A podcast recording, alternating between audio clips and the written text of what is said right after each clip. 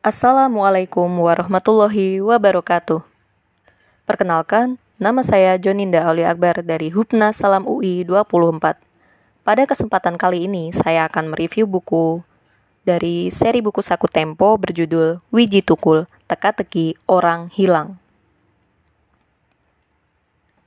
Buku dengan desain cover sederhana bernuansa vintage berwarna coklat muda dan bergambar tokoh Wiji Tukul dengan warna senada ini ditulis oleh tim liputan khusus Wiji Tukul Tempo dan dicetak ulang oleh Kepustakaan Populer Gramedia dengan cetakan pertama pada bulan Mei 2017 dan cetakan kedua pada bulan Januari 2018. Buku yang terdiri dari 206 halaman ini membuat saya teringat kembali dengan sejarah kelam rezim pemerintahan negara Indonesia yang membuat salah satu seniman, penyair, dan aktivis tanah air menghilang secara paksa. Begitu pula dengan para aktivis lainnya yang masih tak diketahui kabarnya. Wiji Tukul yang bernama asli Wiji Widodo adalah salah satu tokoh perjuangan yang selalu menarik perhatian saya. Sebab sering kali nama beliau disebut dalam pergerakan menyuarakan keadilan dan pernah dianggap sebagai salah satu sosok yang membahayakan rezim pemerintahan Orde Baru. Sebelum membaca buku ini, pengetahuan saya tentang dirinya masih sangat minim. Saya sering kali mempertanyakan hubungan antara Wiji Tukul dengan napas perjuangan rakyat setiap ada kegiatan aksi kamisan dan aksi-aksi lainnya. Baik itu dengan aksi turun ke jalan atau dengan menyuarakan keadilan dan saling menyebarluaskannya melalui berbagai sosial media di era sekarang.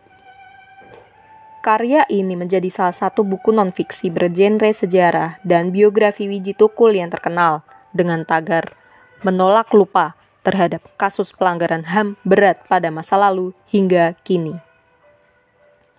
Secara umum, buku ini terbagi dalam dua bab utama, yakni bab awalnya membahas tentang kehidupan pelarian nomaden Wiji pada tahun 1996 hingga pertengahan tahun 1998 ketika rezim Orba jatuh. Namun, Wiji tak diketahui kabarnya lagi. Kemudian, pada bab kedua membahas lebih dalam tentang kehidupan humanisme, aktivisme, dan sosok Wiji sebagai kepala keluarga.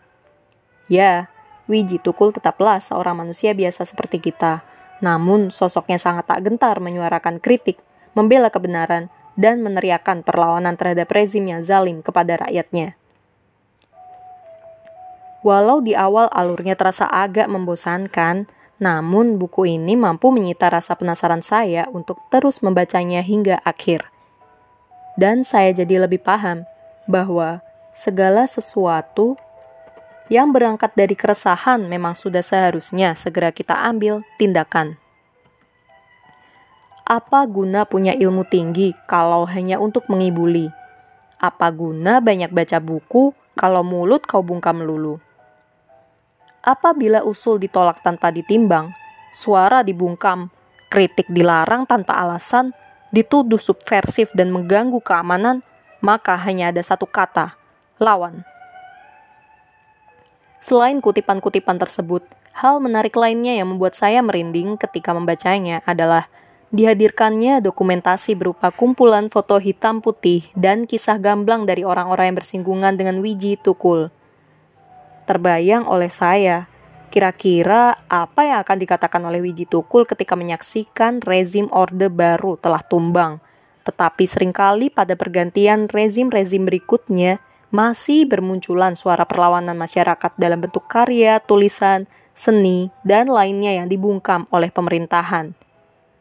Tabik untuk totalitas dari semua tim atas terbitnya sebuah karya yang cerdas, gigih, dan berani dalam menginvestigasi kasus misteri di balik hilangnya Wiji Tukul. Sekian review buku dari saya, kurang lebihnya mohon maaf. Terima kasih sudah menyimak hingga akhir. Wassalamualaikum warahmatullahi wabarakatuh.